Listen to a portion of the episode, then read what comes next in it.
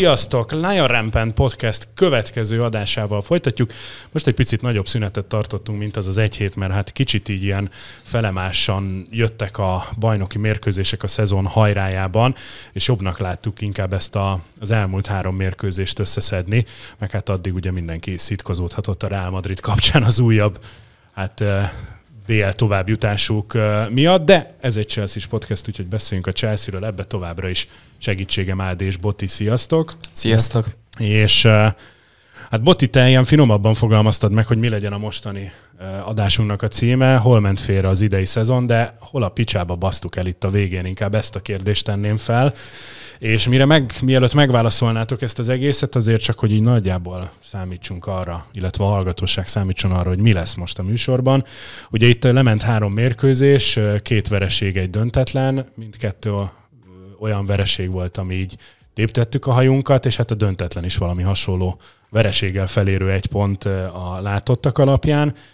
És hát számolgatni kell. Tehát a másfél hónapja itt azt hiszem, amikor megint, amikor felvettük újra ezt a fonalat, akkor úgy ültünk le, hogy na hát itt akkor már nagy baj, nem probléma nem lesz, úgy, úgy le vannak szakadva a többiek, és hát bármennyire tökön szúrjuk magunkat, azért itt a többiek is körbeverik egymást. Na most ehhez képest ez rohadtul nem így alakult, és Charity FC-t játszottunk, és hát akkor megint Felerősödtek a hangok a távozók kapcsán, a, aztán Lukaku közölte, de ebbe majd részletes, részletesen belemegyünk, hogy én csak akkor futok, amikor labda van nálam, és, és hát meglátjuk, hogy tényleg ki marad, ki megy, ki jött be ebben a szezonban, ki nem jött be, és akkor most már úgy néz ki, hogy tényleg célegyenesben van az új tulajdonos, a, Chelsea megvétele kapcsán, amire meg nagyon oda kell figyelni, hiszen szép lassan itt vannak a nevezési határidők, elkezdődik az átigazolási szezon, és sorolhatnám. Úgyhogy erről lesz még szó, és végül, de nem utolsó sorban, amit most rögtön az elején áttárgyalunk, az a lányok, mert szerencsére a női csapatunk is, egyébként az IFIK mellett a, azt csak most jutott eszembe, azt nem írtuk bele, az U18-asok ugye a ligakupát most megnyerték legutóbb, de hát a csajok azok, akik ugyan most idén a BL csoportkörből kiestek, de hogyha nem rontják el itt az utolsó, azt hiszem kettő fordulót, akkor ismét a női bajnokság első helyezettjei lehetnek, és hát mégiscsak a top 10-ben benne van ez a női Chelsea csapat. Igen, a hétvégén meg kell nyerni a United elleni rangadót, és ebben az esetben bajnokok vagyunk, és azért is lenne ez nagyon jó, hogyha ez sikerülne, mert ugye több olyan játékosunk, akik közönségkedvencnek számítanak, akik legendának számítanak, G. Soyun például, vagy, vagy Bruce Spence, ugye, akik tényleg az elmúlt éveknek a meghatározó játékosai voltak, említhet, említhetjük még itt uh, Andersont is, szintén egy, egy kiváló védőnk volt, mind a hárman távozni fognak, és, és még ez lehetne az utolsó nagy dobásuk. A, a 2010-es évek második felének több meghatározó játékosa, és igen, hát hogyha valakinek van vasárnap kora délután egy kis ideje, akkor mindenképpen a női csapatunkat kövesse a United ellen, és szorítson nekik mindig jó megelőzni az arzonát, legyen az férfi vagy, vagy női verseny is, és uh, amellett, amit elmondtál, Boti, a távozók miatt nagyon fontos lenne azért is, mert a tulajdonos váltással ugye ott van az a kérdőjel, hogy mekkora szerepet kap majd a női futball itt a Chelsea életében, úgyhogy egy újabb bajnoki cím az egy nagyon jó jelzés lenne, hogy mi is itt vagyunk, és igenis érdemes továbbra is erőt, pénzt és energiát tenni ebbe a műfajba is. Hát igen, itt azért azt tudni kell, hogyha esetleg, mert én ezt emlegettem már korábban, meg Boti te is, mert mert megérdemli azt hiszem, mint bármelyik ifi csapatunk, aki olyan sikereket ér el, de a női csapat is, mert ugye a női foci egyre inkább előtérbe kerül, nem tart még ott, mint a férfiak, de, de úgy, ahogy akár a, a női NBA-ben, és, és sorolhatnék, nem akarom végig sorolni, sorolhatnék még jó néhány sportágat, ugye itt az egyenlőség, vagy ugye a Rafionnak a, a ugye kis kampányát nézzük, ugye ott a világbajnokság, női világbajnokságot követően, azért, azért mégiscsak feljövőben van a női futball, ráadásul az angoloknál ugyanúgy a női uh, liga az egy ilyen világsztárokkal megtöltött liga lett itt az elmúlt pár évben, ugyanúgy, mint a Premier League. Tehát uh, érdemes egyébként egyre látványosabb a foci, a szponzorok is jönnek ide, és egyébként maga a Chelsea-nek a női csapata is tényleg itt a 2010-es évek második felében, ugye bajnokok lettünk, tripláztunk, itt ezt se sorolom végig, nézzetek rá, mert tényleg megérdemli a csapat, tehát keressétek fel a hivatalos oldalt, nézzétek meg, hogy a női csapat mit ért el, és akkor ugye kiemelném, azt viszont mindenképpen érdemes megemlíteni, hogy tavaly ugye női BL döntőt játszottunk a Barca Igen. ellen. Az mondjuk egy nagyon félrecsúszott mérkőzés volt, meg az a Barca csapat nagyon azért, az, azért az nagyon előttünk jó. van. Szerintem én most címet is fognak védeni. Viszont a bajnokság meg az ugye egy nagyon komoly hajrán van, és igen, bocsánat, egyetlen egy forduló van már csak hátra, és egyetlen egy ponttal vezetjük a bajnokságot az Arzenál előtt és igen, a Unitednak meg azért lesz fontos mérkőzés, mert ugye itt az első három az, aki a női BL-be kvalifikálni tudja magát, és ők még a Manchester City-t esetlegesen utolérhetik, bár a City-nek azt nézem, a Reddinggel játszanak, úgyhogy az nem egy, nem egy nehéz történet, de ők ugye is, ők is mindent meg fognak tenni magukért. És ha már említettük itt a távozókat, ami viszont pozitív hír, hogy nem tudom, olvastátok-e, néztétek de Frank Kirby egyre jobb állapotban Igen. van, ugye neki volt egy ilyen hát, posztraumás stressze, ugye uh-huh. kimerültség, hogyha most itt nyersen for, fordítom az angolról, volt, volt mentálisan neki már korábban ilyen problémája, most ez megint előjött, de maga Emma Hayes erősítette meg, hogy a, a hétvégén valószínű már ott lesz a keretben. Azt nem tudom, hogy játszani fog-e, de az mindenképpen meghatározó, hogy a, hát a világ egyik legjobb női játékosa ugye képviselteti igen. magát a Chelsea. Mindenképpen kelleni fog Sam Kör mellé ő is, igen. És ugye ő neki Emma Haysel Körbinek nagyon, nagyon szoros a kapcsolata, tehát már több nagyon komoly mély, mélyponton átsegítette őt Emma Hayes, mint mentor, akár mint pótanya, és, és hogyha ez még egyszer sikerülne, és tényleg, és még egyszer, hogyha a, a távozókat sikerülne így búcsúztatni, az, az egy fantasztikus zárása lenne a női csapat szezonjának. És akkor hogy még egy, csak közben eszembe jutott, hogy még egy pozitívummal zárjuk itt a női témát. Sam Kerr lett egyébként az évjátékosa az Abszolút, idei szezon alapján. Annyi gólt rugott a hány forduló volt eddig, illetve most hát ugye ezzel az utolsó fordulón azért még ezt meglátjuk, de, de elképesztően erős az Ausztrál csatár. Úgyhogy megérdemlik a csajok, nézzétek meg, jó keretünk van, és hát remélhetőleg, hogy majd az új tulajdonossal is ugye tovább megy ez a jó hullám. Na de, hát elég rossz hullámot fogtak ki a felnőttek. Nem szépítem a dolgot, el lett baszva ez az Arsenal ellen is, a Manchester United és az Everton ellen is. Viccelődhetünk tényleg ezzel a Charity FC-vel, de, de egészen odáig, ameddig mondjuk ez a háromból egy meccs lett volna, és kisarkosítva azt mondjuk, hogy Lampardékat bent tartjuk a Premier League-ben, addig viccelődhetünk rajta, de, de tényleg itt valahogy a, a BL kiesést követően, mint hogyha tényleg rátelepedett volna a csapatra ez a bizonytalanság a jövőt illetően. Ahogy, ahogy lehet, hogy már a BL kiesés előtt is egy kicsit érezni lehetett, hogy, hogy nem játszunk olyan jól, ugye onnan sikerült még talpra állnunk, jött az a nagy győzelem, aztán a Real Madrid elleni meccs, amit egészen majdnem a végéig jól tudtunk lejátszani, de azért lehetett érezni, hogy ez a csapat ez elfáradt, és hogy most mentálisan, fizikailag, azon lehet veszekedni, de tény, hogy talán a tulajdonosi húzavona is rányomja a bélyegét erre, de nem vagyunk önmagunk az elmúlt meccsekben, és gyakorlatilag meccsenként adunk egy gólt az ellenfélnek, amit szerintem nagyon kevés csapat tudna túlélni. Tehát magunk alatt vágjuk a fát, és már arról beszélgethetnénk, hogy készülünk az FA Kupa döntőre, ehhez képest még mindig nem tartunk ott, még mindig nincs meg a BL. Ehhez ehhez nehéz, nehéz mit hozzáfűzni, ezt már évek óta csináljuk, megnehezítjük a magunk dolgát, hat pont kell a maradék négy meccsen, én bízom benne, hogy ezt nem, nem spörszözzük el, az nagyon csúnya lenne. Mind a három mérkőzés olyan szempontból volt fájó, hogy talán tök más aspektusát világítja meg annak, hogy hol ment el ez a szezon, mert az, az Arzenál ellen szerintem ott, ott én azt inkább Tomás Tuhelre írnám, hiába voltak ott hatalmas hibák és hatalmas bakik, de ott valami... Mondjuk, bocsánat, csak ezzel mit tud csinálni, hogy három, legalább három gólt odaadunk.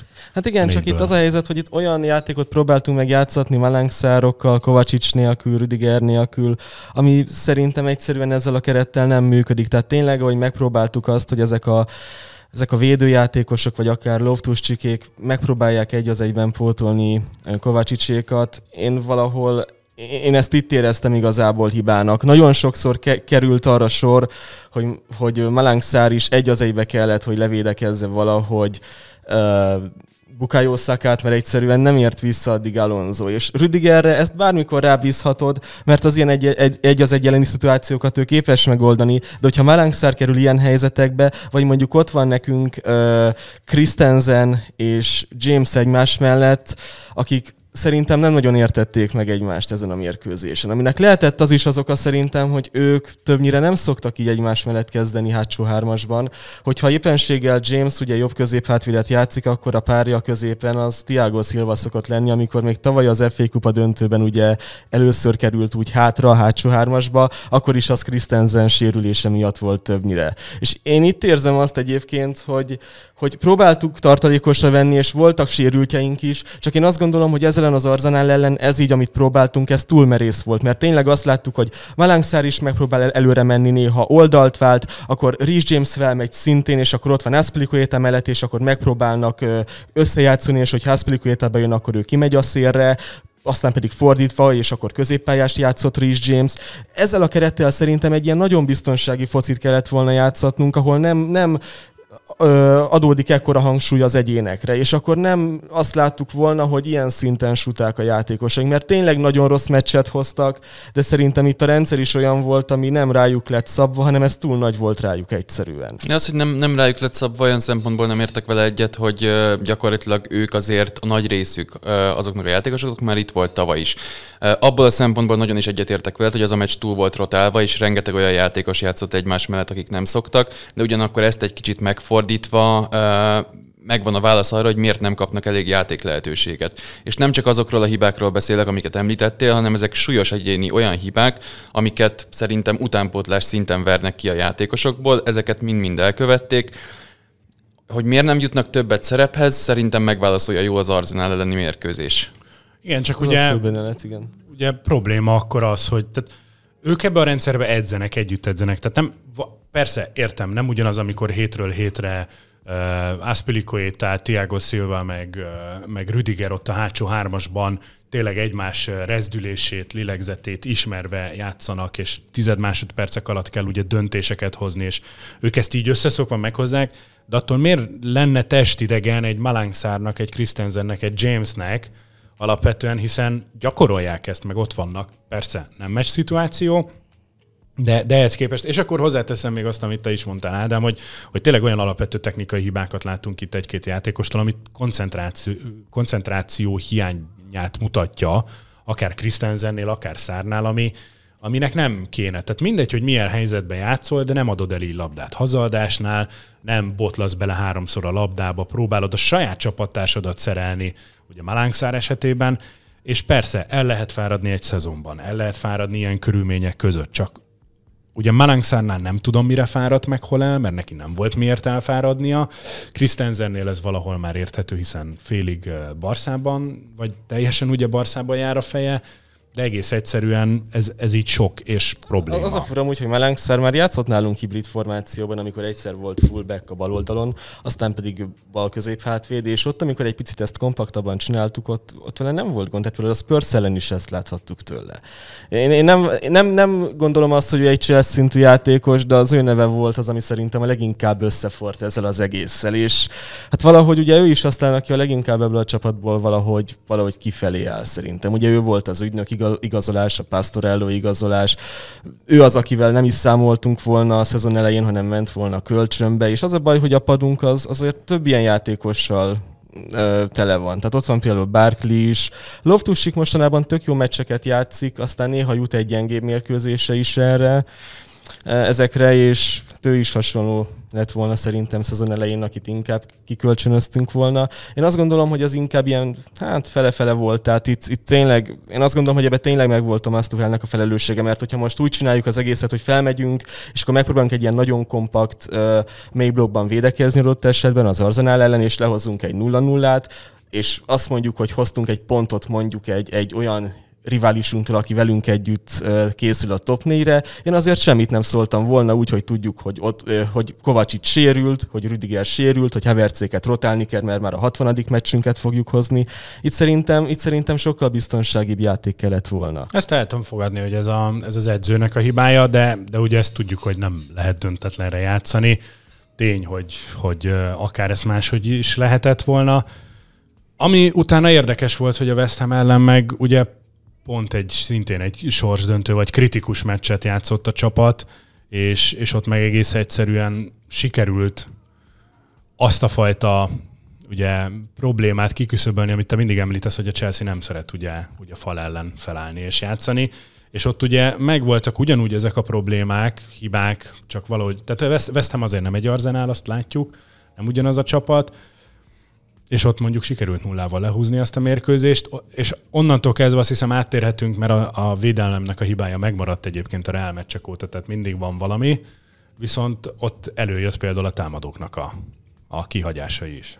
És egész szezonban jellemző ez, hogy nincs meg, megint ott tartunk, hogy arról kell beszélgetnünk, hogy nincs meg az első hármasunk, talán Mason Mount, akire így a szezon vége felé már azt mondhatjuk, hogy bármilyen formációt próbáltunk, bármilyen hármassal, kettessel álltunk elő irányítóval, ő volt az, aki fixen kapott valamilyen helyet, és az elmúlt adásokban ugye Havert szerepéről beszélgettünk, hogy mennyire feljavult, mennyire jó, ehhez képest el kell mondanunk, hogy az előző meccsei neki is nagyon rosszak, rengeteg nagy helyzetet puskázott el, rengeteg tűnt el a pályán, Úgyhogy nagyon, nagyon sok helyzetet alakítunk ki még mindig, de nem sikerül befejezni őket, illetve a helyzetek is inkább olyan, olyan fél helyzetecskék.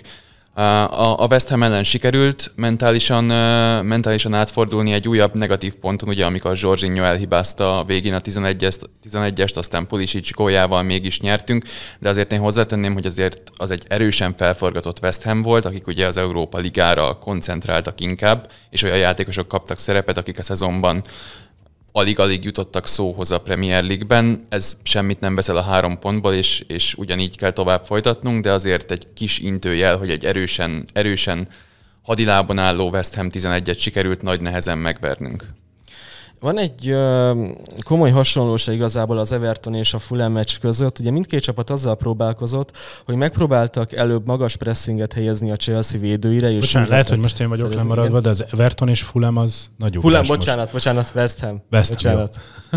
bocsánat. Mindegyik Ham. Jó, Ham. Igen. Igen. Jó, az Everton és a West Ham között volt egy hasonlóság igazából, mert ott, ott tényleg mind a két csapat próbált ö, magas pressinget helyezni a védőinkre. Ugye a West Ham ellen például Csalobánál volt az, amikor ott egy labdát nagyon durván eladott, és abból... Azért mondjuk ő kijavította a hibáját. Ki is javította, igen. Ott a West Ham szerintem annyiban volt másabb, hogy ott, ott David Moyes egy picit próbált ö, pragmatikusabb lenni. Lampard durvább magas pressinget alkalmazott, ott két játékos is simárást tartolt Aspilicuetára. Itt a West Ham ezt nem húzta meg, és mindkét csapat, amikor, amikor vissza kellett rendeződni, akkor megpróbált alapvetően egy, egy 5-3-2-t vagy, vagy 5-3-1-1-et alkalmazni a Chelsea ellen, és hát ez igazából a tökéletes terv arra vonatkozóan, hogy hogyan kell a Chelsea-t valahogy megfogni. Tehát próbáld meg magas pressinggel a védőket hibára kényszeríteni, erre játszott egyébként Lampard is, próbáld meg valahogy Mason Mountot kiszedni, amire szintén játszottak ők, ugye Lampard ezt el is mondta, hogy megvolt a maga terve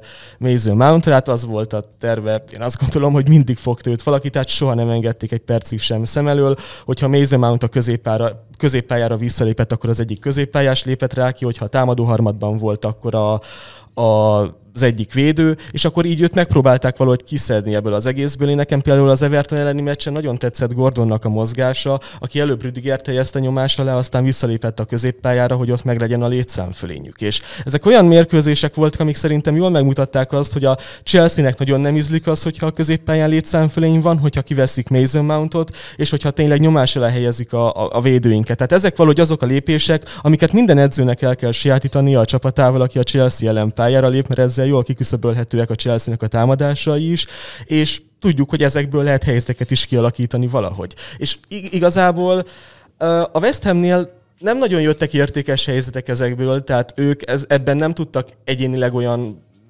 jól kijönni, hogy ezeket a labdaszerzéseket, vagy ezeket a pressingelési készleteket komolyabb helyzetbe fordítsák át. Hát az Evertonnak sikerült egyet így összerakni, és utána már nem is volt komolyabb gondjuk ezen a mérkőzésen. Igen, csak mielőtt még ugrunk, az, bár nem kell feltétlen időrendben haladnunk, mert akkor egy kalap alá vehetjük az Everton elleni, tehát ott, ott igen. Egyébként az volt az érdekes, csak így eszembe jutott, hogy ugye a, a Merseyside derby kapcsán, ugye bemásoltál nekünk a csoportba egy ilyen passémát, hogy hogy nézett ki a Liverpoolnak a, a játéka, hogy nézett ki az Everton, és ott beszéltük is, hogy hát nagyjából hasonló lehet majd számítani a, az a, a Chelsea ellen is, hogy Lampardék mit fognak húzni. Ráadásul ugye Lampard elég jól ismeri a keret jó részét, hiszen ugye azért ő itt volt edző, ráadásul ugye Mason Mount tovább megyek ugye az ő keze alatt a, a derbiben, pallérozódott nem is rosszul, úgyhogy minden adott volt, hogy az ellenfél felálljon egy ilyen taktikával. Inkább nálam az volt a probléma, csak meg, megnézem, mert ugye a West Ham ellen... hogy miért nem így állt fel Lampard, mert meg, megnézem, hogy mert majdnem egy 3-as XG-t hoztunk össze a, a West Ham ellen, a United ellen is, itt most igen, az egy 2-24, az jó, de kettő fölött itt, és az Everton ellen gyorsan ránézek, ott mondjuk az meg aztán pláne nem jött össze. Tehát egy, volt egy nagyon komoly esés tendenciában. Tehát Beszélhetünk arról, hogy hibáznak a védők, beszélhetünk arról, hogy hibáznak a támadók, aztán valahogy ez teljesen átfordult egy ilyen teljesen passzív labdajáratásba, és hát szegény Aspiricueta meg pont karrierje első gólt eredményező hibáját ott szedte össze. Igen, ugye említetted, hogy Lampard a Liverpool ellen egy, egy nagyon-nagyon defenzív játékkal lépett pályára, és igazából Lampardnál elmondhatjuk azt többnyire, hogy az ő csapatai akkor néznek ki tényleg nagyon stabilnak, amikor mindent a védelemre próbál meg ráhelyezni. És ilyenkor azt látjuk, hogy van egy mély blokk, bepozícionálja magát egy ilyen 30%-os labdabirtoklásra, tehát nem erőlteti azt, hogy most akkor a csapat az nagyon túlpofozza a labdát, és megpróbál egy ilyen, egy ilyen nagyon direkt, vertikális támadójátékot játszatni, megszerzik a labdát, rögtön megy egy egyenes passz mondjuk a, a támadó fele, aki ebbe az esetben Richarlison volt. Ezt a chelsea is láttuk egyébként többek között pont a City ellen, és az Everton is ezt a City ellen egyébként viszonylag jól hozta. Ugye azon a meccsükön idén uh, volt egy, egy véleményes tíziszitu még a, meccsnek a zárása, akkor hát az lehetett volna akár egy-egy is ott Lámfárdéknak. Ugye annó mi a, a 2020 nyarán vertük a City-t 2-1-re, ugye ott Pulisicnak volt egy, egy jó ö, kontrája, és a végén William rugott egy 11-est, és azzal sikerült ott nyernünk. Na most Lampardnál ezek jól tudnak feküdni, hogyha X-re játszik, és hogyha az ellenfél felvállalja a játékot, viszont a Chelsea-nél szerintem pontosan tudhatta azt, hogy a Chelsea-nek a labdakihozatali szekvenciái, a támadás építései, azok baromi lassúak a ligában. A második leglassabb csapat a Chelsea, és nem azért lassú, amiért a City, hogy rengeteg passzuk van a támadó harmadban, rengeteg passz van a, a büntető területen belülre, és, és tényleg rengeteg a 10 plusz passzos szekvencia, ami pontos, hanem azért, mert a chelsea nagyon sok az oldalsó passz, nagyon sokat tökölünk azzal, hogy most hogyan találjunk opciókat elől, nagyon ritkán látjuk azt, hogy tényleg a mi vertikális játékunk az jó lenne, hogyha nincsen Kovácsics, és ezt már sokszor elmondtuk, akkor az ilyen mély egyenes indításokat nem nagyon tudjuk alkalmazni, és ilyenkor a Chelsea baromi lassúvá válik átmenetekben. És az Everton Láthattuk például uh, loftus a baromi jó megmozdulásán, amikor ott a, tényleg a labdát klasszis módon vette át és indította a támadás, hogy ez az Everton, ez átmenetekben baromi sebezhető volt, csak a Chelsea meg többnyire nagyon lassú. És én szerintem erre játszott rá Lampard igazából, hogy nem azt várta, hogy annyira lesz ez a Chelsea gyors és tűpontos átmenetekben, mint egy Liverpool, hanem azt várta, hogy lesz bőven annyi idő, hogy visszaálljanak egy ilyen, egy ilyen 5-3-2-es sémára mondjuk. És volt is, és ameddig a Chelsea elért kontrából a kapujukig, addig már le is vették a büntetőterületet. És szerintem ez volt azok. És kellett nekik a magas pressing rossz, hogy valahogy egy gólhelyzetük lehessen, és végül ebből az egy kimondottan jó szituációból, amit át tudtak valahogy alakítani helyzetté, ebből meg is szerezték a vezetést. És szerintem ez így egy teljesen jó terv volt Lampártól. De akkor felteszem nektek a kérdést, és persze nem mi vagyunk a Premier League edzői, tehát ezt mindenki, ki hallgatja, kezelje helyén, de hogy látszik, hogy mi a Chelsea-nek a problémája. Egyébként, amit ugye adásról adásra mondasz, Boti, hogy, hogy mi lehet a jó taktika felállás a Chelsea ellen, most ugye ráadásul ugye ki is jönnek ezek a hát mentális fáradtságból eredő hibák, hogy inkább az egy az egyet is keresik ugye letámadásnál a védőkkel szemben a, ugye az ellenfél támadói, pontosan azért, mert most már tényleg mínusz egy gólról indul a csapat az elmúlt 5 mérkőzésen, de akkor mit kéne csinálni? Itt ugye egy picit kivenném minden az FA kupát, mert, mert egy meccsre Tuhál nagyon jól fel tud készülni, meg, meg azt egy picit szedjük külön itt a, a rendszeres mérkőzésektől, de azért valamit változtatni kell majd jövőre is, meg a maradék négy mérkőzés, és hogy tényleg ne legyen ebből egy akkora pofára esés, hogy elbukjuk a top négyet, sőt, ráadásul a harmadik helyet is, mert azért, na, innen már elég nagy, tök mindegy, hogy melyik csapat meg kicsoda, de azért szívnám a fogamat, hogyha valaki ide, ide becsúszik elénk.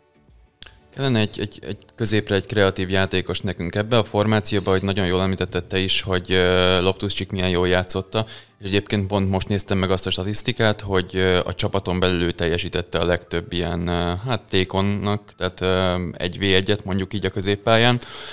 Egyébként ebben azt hiszem, hogy a ligában nem tartozik ugye nyilván a legjobb 20 játékos közé, és megnézegettem az elmúlt évek adatait, és torony magasan Azár vezette akkor, amikor itt volt. És nekem pont ez hiányzik, ugye nagyon statikus a játékunk, ahogy már, már emlegette Boti, és nincs az, aki meghúzza a váratlant, aki egy ilyen kulcs megindulással magára húzza az embert, és egyébként nagyon jó játékosaink vannak elő, mint Havertz, mint Mount, egyébként Pulisicet is ide tudom említeni, akik, akik rendkívül jól tudnák kihasználni azokat a helyeket, amik itt nyílnak, de ameddig nincsenek meg ezek a beindulások, amint egy csapat fegyelmezetten fel tud állni ellenünk, 50-50 legyen az másodosztályú, harmadosztályú, legyen az MB1-es, MB2-es, 50-50, hogyha fegyelmezetten végig tudja játszani. Én nagyon bízom abba, hogy Geleger majd jövőre erre jelent valamiféle megoldást, de mindenképp szükségünk van egy ilyen játékosra. Kovácsics volt még ebbe a szezonban, akinek jó teljesítménye volt, ugye Loftus Csík utólag, de Kovácsics mellett nekem Kanté nem tetszik annyira, tehát hogyha megnézzük, hogy Kanténak mikor voltak a rosszabb meccsei, az szerintem akkor volt, amikor Kovácsicsal játszott. Kanté jó Zsorzsinyóval, Zsorzsinyó viszont nem igazán jó ezekben a, a, a, az előrefelé játékban mondjuk így, amikor csak nem passzról van szó. Ez nagy fejtörés lesz Tuhelnek, illetve remélem, hogy Tuhelnek lesz fejtörés a nyáron meglátjuk, mi sül ki belőle. Azért nehéz ez valahol, mert itt, itt meg kell tartani valahogy a csapatnak az egyensúlyát. És amikor arról beszélünk, hogy milyen a Chelsea-nek a keret összeállítása, akkor azt látjuk, hogy rendkívül heterogén. És nem úgy heterogén, hogy van jó sok használható játékos, hanem van sok játékos, aki valahogy összeállt az elmúlt években, és ezzel az a gond, hogy tényleg ameddig más csapatnál, amelyik koncepciózusabban építkezik ott a cseréknek megvan a maga nagyon jól kimért helye a, a kezdőben mondjuk, amilyen szerepet fel tud tölteni. Nálunk ez nincs nagyon meg. Tehát nálunk tényleg továbbra is az a helyzet, hogy a kerethez hozattunk egy edzőt, akinek erre a keretre valahogy rá kell ö, szabnia egy játékot, és ennek mindig meg lesz a, a plafonja, amit nem fogunk tudni áttörni, ameddig ezt próbáljuk csinálni. És egy ideig ebből tudtunk bajnoki címeket szerezni, mert nem volt nagyon olyan klub, amelyik egyszerre tudott volna koncepciózusabb lenni, és egyszerre sikeres is. Amikor a Unitednek ez sikerült, akkor ők nagyon tudták dominálni a Premier League-et. De amikor néha voltak ilyen megbicsaklások, akkor a Chelsea ott volt, és egy-egy baromi jól összerakott szezonnal behúzta a bajnoki címeket. Na most nálunk szerintem az utolsó olyan időszak, amikor ezt meg tudtuk tenni, az Conte volt, ugye? És Conte után jött az, hogy, hogy a City az a csúcsra ért, Conte után két évvel már a Liverpool ugye Hát BL-t nyert és 97 pontot hozott a Premier League-ben, tehát Conte után két évvel felépült két olyan gigász, akik ezt tűpontosan csinálják mindenhol specialistákkal. És ezt a Chelsea most már egy-egy évben nem fogja tudni kifuttatni. Az a ez, ez a recruitmentünknek a teljes, teljes uh, hanyatlását mutatja meg az elmúlt években. Egyszerűen olyan játékosok ülnek a padon, akiket nem tud használni feltétlenül az edző, nem tud hozzányúlni, viszont más csapat még talán kölcsönbe sem vinni a hatalmas fizetési igénye miatt Szóval ez egy nagyon mélyen gyökerező probléma, amire talán öröm az ürömben ugye a, a tulajdonosváltás, mert hogyha nincs Abramovics pénzes zsákja, akkor lehet, hogy jobban megfontolt igazolásokra kell csak, majd számítani. Csak azért itt az elmúlt időszakban látható volt az is, hogy valószínű külső behatásod Ábramovics is nem a, a sok zsák aranyat vette elő, és kérem a fele királyságodat, ö, játékot folytatott, hanem egész egyszerűen ugye láttuk itt is, hogy a, az utánpótlásba fektetett, a scoutingba fektetett, azért hoztunk ide a vezetőedző mellé olyan szakembereket, Anthony Berry-től kezdve sorolhatnék még néhányat, akik ugye bizonyos területekért, mármint a játék bizonyos elemeiért ugye felelősek, meg azokat a részeket ugye edzik, de valóban az a fajta kontinuitás, meg az a fajta hosszú távú építkezés,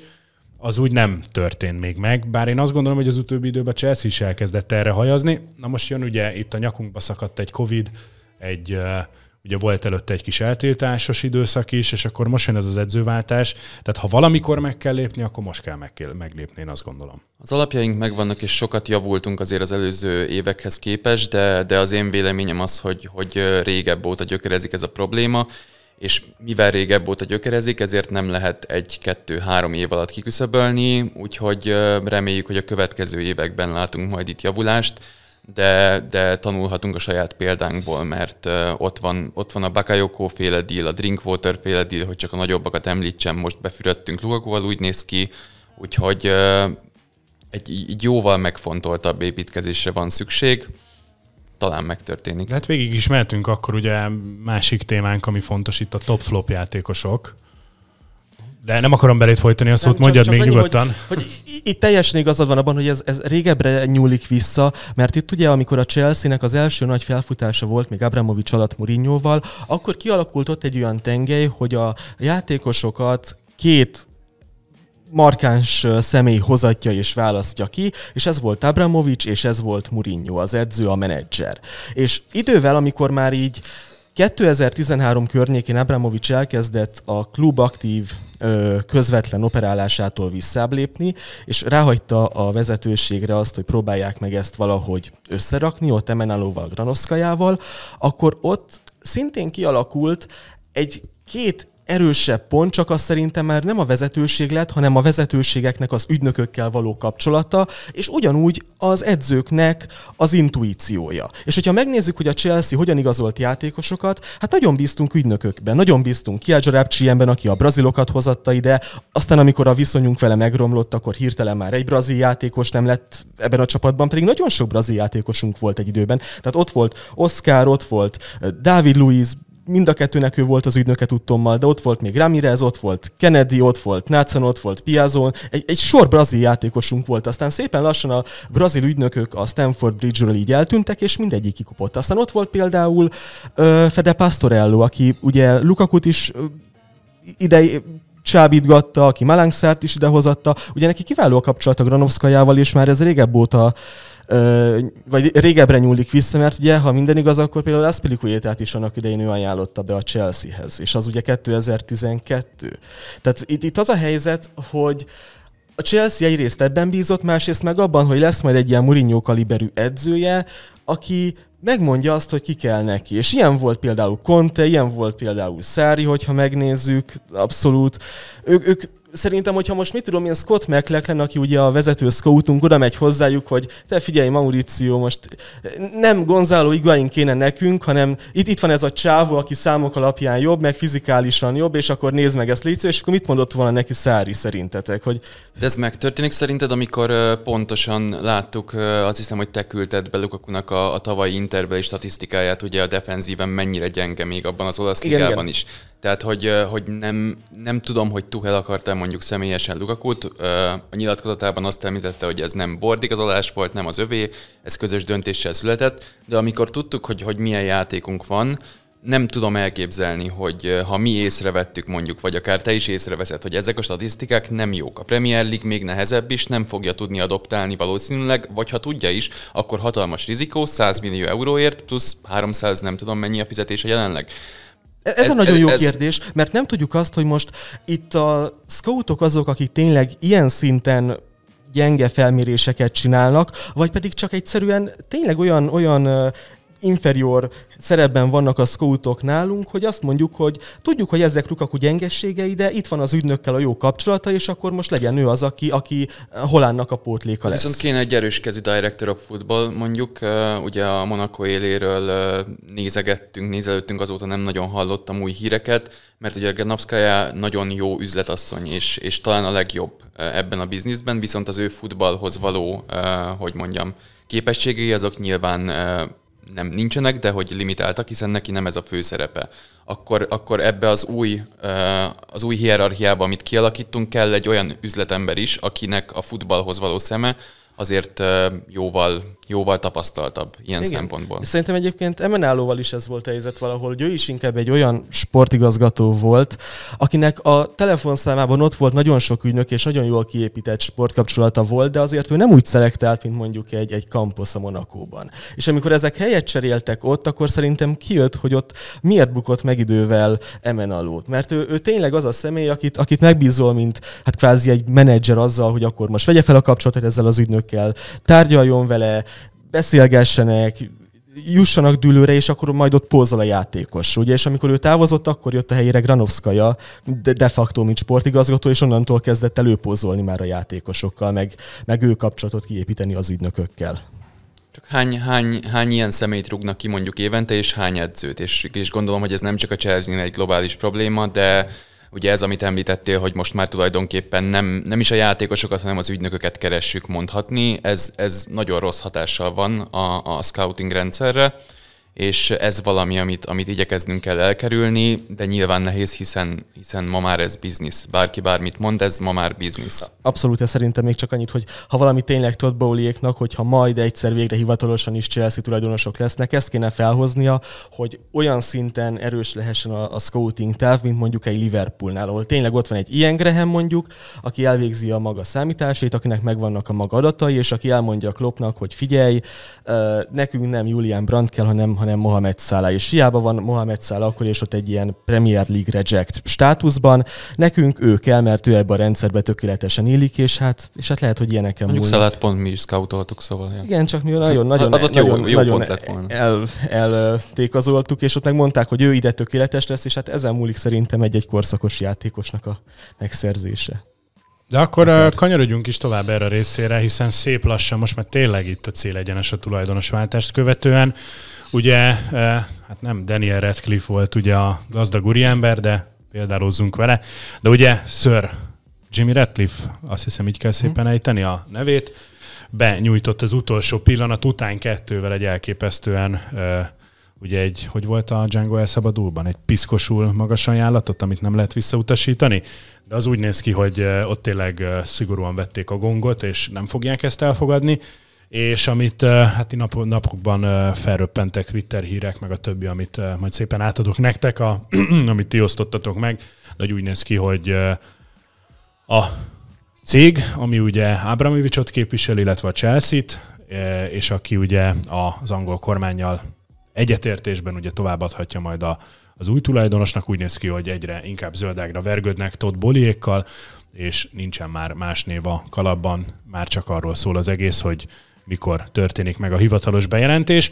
És az alapján, amit leírogattak első körbe, persze ezt mindig ugye fenntartásokkal kell, kell egy kicsit kezelni, egészen odaig, ameddig ugye a tinta meg nem száradt, meg valóságban meg nem történtek ezek az ügyletek. De mind a mellett, hogy a klubnak ugyanolyan anyagi támogatást szeretnének adni az új stadion, előkészülete, terve, illetve építése az megint előtérbe kerül. A lányok, illetve a hölgyeknek a, a ugyanúgy fejlesztése az IFI, tehát a, a fiatalok komplett, az akadémia továbbfizetése, illetve itt szó volt róla, hogy akkor azoknak a kulcsjátékosoknak már most új szerződést kínálni, akiket itt akarunk tartani, és hát fancy, szexi átigazolásokat intézni a nyári időszakban. De mindenre nincs idő, sok idő, mert le fog zárulni hóvégén a nevezése Premier League-be, és sorolhatnám az összes több ilyen ügyletet, amire már előtte ugye pontot kell tenni a végére, és hát azért azt tudjuk, hogy most oké, okay, kihirdetik, hogy akkor Boti megvette a Chelsea-t, de akkor is rengeteg papírmunkával jár, és hát azért itt még sok-sok fejnek kell a helyére kerülni a nagy gépezetben. Igen, és nem is hiába akarják szerintem itt tényleg Ranoszkaját meg Bruce Blackot itt tartani, mert itt kelleni fognak azok a személyek, akiknek megvan a maga kapcsolata és tapasztalata az európai futballban, a Premier League-ben, és hogyha még csak kevés ideig is maradnak, mert Granoszkajánál például ez rövid távra szól, ameddig ez a, ez a tranzíció időszak ez így végbe megy, de akkor is szerintem nagyon nagy szükség lesz ilyen emberekre, és ők náluk ugye ez nem is problémás, hiszen ők nincsenek szankcionálva, tehát ők bármikor tök törvényesen beültethetőek az új vezetőségbe is, hogyha meg tudnak állapodni a maguk szerepkörével és az új helyzettel, környezettel. Hát én megmondom őszintén, hogy én, én Jim Redcliffe-nek az ajánlatától, meg ettől az egész jelenségtől, ami megjelent, én ettől nagyon fázom. Tehát én nem tudom, valahogy összemérem Codbóliékkal, akik az elejétől fogva ott vannak, és tök transzparensen vállalják azt, hogy, hogy milyen terveik vannak, hogy kinek mekkora részesedése lesz, hogy kikkel dolgoznak együtt, és tényleg betartanak mindent formálisan, ekkor van egy határidő, akkor shortlist, akkor második kör, és végigviszik ezt az egészet a nyilvánosságban, Jim Redcliffe-nél meg az volt még, hogy márciusban volt egy olyan hír, hogy ő is érdeklődne, aztán a Telegraphban megjelent, hogy hozzá közeli források ezt cáfolják, és, és egyszerűen ő nem, nem érdekelt most abban, hogy Premier League csapatot vegyen. Aztán eltelik két hónap, tényleg sehol nem láttuk őt, és, és életjelet sem adott magáról. Egy, egy hírben nem volt ott a Chelsea-vel, és most meg az utolsó napokban bedob egy ajánlatot, megkerülve a Ezt azért én megkérdezném, hogy ez így Tehát ez nem tényleg valós, vagy ez megint csak egy média hype? Tehát oké, okay, sok arra- helyről lehozták, de Én se ő nem nyilatkozott. arra, hogy, hogy ez egy média hype, ami azt hivatott előkészíteni, hogy mondjuk egy kicsit megnyomják Bóliék felé ezt, hogy jó, igyekezzünk, igyekezzünk, mert ha nem mi, akkor van valaki más. Gondoltam erre, szerintem egyébként valós lehet ez a, ez a Redcliffe érdeklődés. Az, hogy mennyire komoly, és hogy, és hogy mi van mögötte, az szerintem akkor derülne ki, hogyha a Bóli féle deal, deal nem jönne össze. Én ezt nem szeretném meglátni. Nekem Redcliffe-ről valamiért ez a, ez a Marvel főgonosz jut eszembe, hogy ránéztem, Igen, mondjuk egyébként. bármelyik. És Kicsit ami, Willem Dafoe sarca van. igen. Ami, ami a legunszimpatikusabb, amivel te is kezdted, Balázs, hogy itt szépen mindenki kiállta a sorát, szépen mindenki benyújtott mindent határidőre, átment egy, kettő, három körön, ő pedig így ugye, mintha összeraknád magadnak a McDonald'sba a rendelést ugye nagy nehezen, fagy is van, és valaki odaáll a pénztárhoz, és akkor, ah, oké, én ezt kifizetem és elviszem. Tehát ne, neked se esne jól, és nem szeretném őt a Chelsea élén látni, ugyanakkor ez csak egy személyes vélemény. De ez nekem is egy napskrúsnak tűnik ez az egész, amit így csinál. Tehát most, hogyha választanom kéne a kettő között, hogy melyiket kérem, én, nekem eszembe nem jutna most így azt a performanszot Most választani. mindenféle rossz indulat nélkül, de a szaudiak is eh, tiszteletbe tartották, hogy srácok nem ti Mindenki kelletek. más. És igen, Ő rengeteg, brit, rengeteg, ugye, tehát, tehát én erre gondoltam, ugye, hogy ő brit, ugye a, a- maradék versenyzők úgymond ők mind amerikaiak, és most belehallgattam egy-két interjújába, és nagyon ugye, ugye nyomja ezt a, az amerikai, tehát hogy mi lesz azzal a csapattal, akinek amerikai kézbe, aki amerikai kézbe kerül. És ugye nyilván az, hogy brit és, és jóban van a kormánytagokkal, ez neki biztosan egy tehát személyesen könnyebb lenne mondjuk néhány dolgot átlépni, de, de semmiképp nem látnám őt szívesen a csapat élén.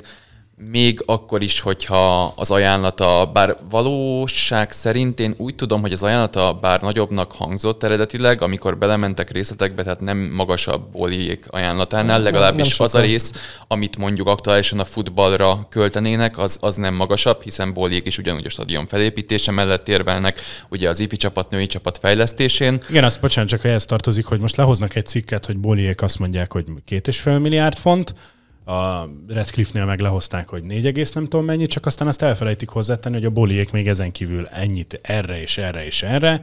Redcliffe-nél meg ez ugye nem feltétlen arra volt, hanem egy vételárra volt kitűzve ennek az összegnek a jó része. Tehát azt senki se felejts el, lesz egy vételára a klubnak, 2 milliárd fölött, amivel bőven ugye a Manchester United a 800 nem tudom hány millió euróval ugye az eddig legdrágában értékesített klub, ezek után bőven messze a Chelsea lesz itt a milliárdos átlépésnek köszönhetően, de lesznek majd ilyen kitételek, és nagyon remélem, hogy látni fogjuk, és betartják majd ugye a felek, de hogy lesz arra, hogy x milliárdot kell majd költeni az elkövetkezendő 5-10 évben a csapatfejlesztésre, az infrastruktúrára, itt nem csak a stadionra értem, az edzőközpontra, minden egyébre, mert azt ne felejtsük el, tehát a Chelsea-nek a komplett infrastruktúrája a világ egyik legjobbja közé tartozik. Kobemtől kezdve, jó, a stadion az ezért egy kicsit ütött kopott, de ott is, aki volt már benne, a kiszolgáló létesítmények, a merch része, az, az azért a világ legjobbjai közé tartozik, illetve maga az online, sorolhatnám egy csomó minden, és ezt fel kell tartani, meg erre költeni kell, nem beszélve igen a- az utánpótlásról és az átigazolásról. Igen, Stadi- stadionnal talán, talán egyedül annyi, ugye, hogy a, a, nézőszám ugye kevés a befogadó képesség, azt hiszem, hogy 46 ezeres, 42. 42 ezer pár. Tehát ez, ez mondjuk egy bevétel szempontjából, hogyha összehasonlítod, hogy mennyit hozna be mondjuk egy 60-65 ezeres stadion, ez nyilván hosszú távon számottevő összeg, de ezt, e- ezt leszámítva, ugye ez, ahogy te is elmondtad, egy nagyon jól összerakott szerkezet, úgyhogy azért a, a potenciális tulajdonos úgy is nézhet rá, hogy ezt nem gyakorlatilag hamvaiból kell feltámasztani, tehát ez egy jó vétel, hogyha jól tudja használni. Igen, abszolút. Ugye most papíron, hogyha minden igaz, akkor olyan másfél milliárd van még a bőven két milliárd fontos uh, ajánlat mellé elkülönítve. Ugye egy milliárd font lesz a következő, hát mondjuk azt, hogy a közelmúlt, de itt ebbe tényleg minden benne lesz, akadémia, stadion, stb. Meg még 500 milliót kell ugye a jótékonysági alapba Abramovicsnál elkülöníteni erre, amit még ő külön kér, tehát ez, ez tényleg elképesztően magas összeg lesz. És egyébként pont mondtad azt, hogy ugye uh, Redcliffe azzal próbál most így magának egy ilyen szlogen kialakítani, hogy ez egy, ez egy brit ajánlat egy brit csapatnak. Nekem erről az az eszembe, hogy, hogy most van valaki, aki... Angolok angol hülyék. Pontosan ezt, ezt akartam mondani, csak meg akartam már. Nem, lesz nekem erről az jut az eszembe, hogy vagy most van valaki, akinél most a riketszéket például egy minimálisan jobban tudom tisztelni, mert ők beleálltak ebbe a nyilvánosságba, beleálltak a botrányaikba, beleálltak abba, hogy energiát fektessenek abba, hogy ezeket valahogy megpróbálják enyhíteni, és ezeket megpróbálták nyíltan csinálni hónapokon keresztül. És ne, nem így próbálták ilyen, ilyen árnyék munkákkal megúszni azt, hogy akkor most nekik a nyilvánosságban mekkora problémájuk lehet. Ugye Stephen Pajukánál ott volt az, hogy ugye valamelyik partnercége Dél-Afrikában adótörvényeket sért, akkor Sir Martin Broftonnál ott volt az, hogy milyen kapcsolatai voltak még régebben a burmai hadsereggel, tehát mindenkinek meg volt Boljékon kívül ez a kis személyes botrány, ugye Pajuka ellen még a parlamentben is felszólaltak, tehát ilyen szintű volt az ő hírverése, és hogyha meg most Jim Radcliffe egy picit talán előbb ugrik be ebbe az egészbe, akkor lehet, hogy, hogy mondjuk így a, a brit ajánlat a brit csapatnak szlogent, lehet, hogy kicsit tízekre szedték volna azzal, hogy akkor ő miért Monakóban adózik. Igen, ezt, ezt felhozzák, hogy ezt Redditen nagyon sokat pedzegették, hogyha ennyire brit csapat vagyunk, akkor gyere haza Monakóból, és akkor adóz ide. Na jó, egy szó mint száz úgy néz ki, hogy, hogy tényleg jó vége lesz ennek a rossz történetnek, és reméljük minél előbb. Ami viszont biztos, hogy van négy forduló hátra a bajnokságból, és, és egész egyszerűen nem engedhetjük meg már most a hétvégén magunknak a Wolves elleni, ugye hazai meccsünk van, látogatunk a Leedshez, fogadjuk a Leicestert és a Watfordot, tehát négyből három ráadásul hazai mérkőzés, és az amely jó a, nekünk. Bár mondjuk idén. az idegenbeli, igen, az idén jobban alakult, mint odahaza. Ami viszont mindenképpen kiemelendő, és egyre többet látjátok a honlapunkon, illetve bocsánat, a Facebook oldalon, mert a honlapunk azért az egy komoly felújítást igényel.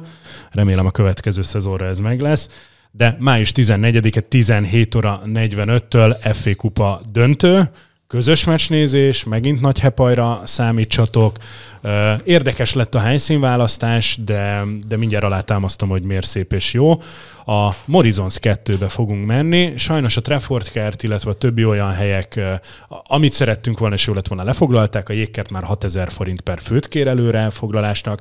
És a, hát a Morizons 2-nek ugye mindenkinek megvan a kis beidegződése, ugye a középsulis hányunk iszunk hányunk bele fekszős bulira, vagy most itt ugye a későbbi, de ezek mind az esti része. A délutáni Morizons 2 egyébként ugyanúgy majd ott a közös, a középső nagy részen a félig udvaros, tehát az a gangos rész egész konkrétan az lesz a miénk. Száz főig vagyunk uh, hitelesítve, és hát a visszajelzések alapján nagyon remélem, hogy alsó hangon azért egy ilyen 80-100 fő el fog jönni. Mindenkit várunk szeretettel, viszont rajtunk kívül ott nem lesz más, nem lesz hiszti, nem lesz balhé, nem lesz uh, ilyen gyerek a sarokról, nem lesz külföldi, néhány ember lesz, aki meccset nézni jön majd.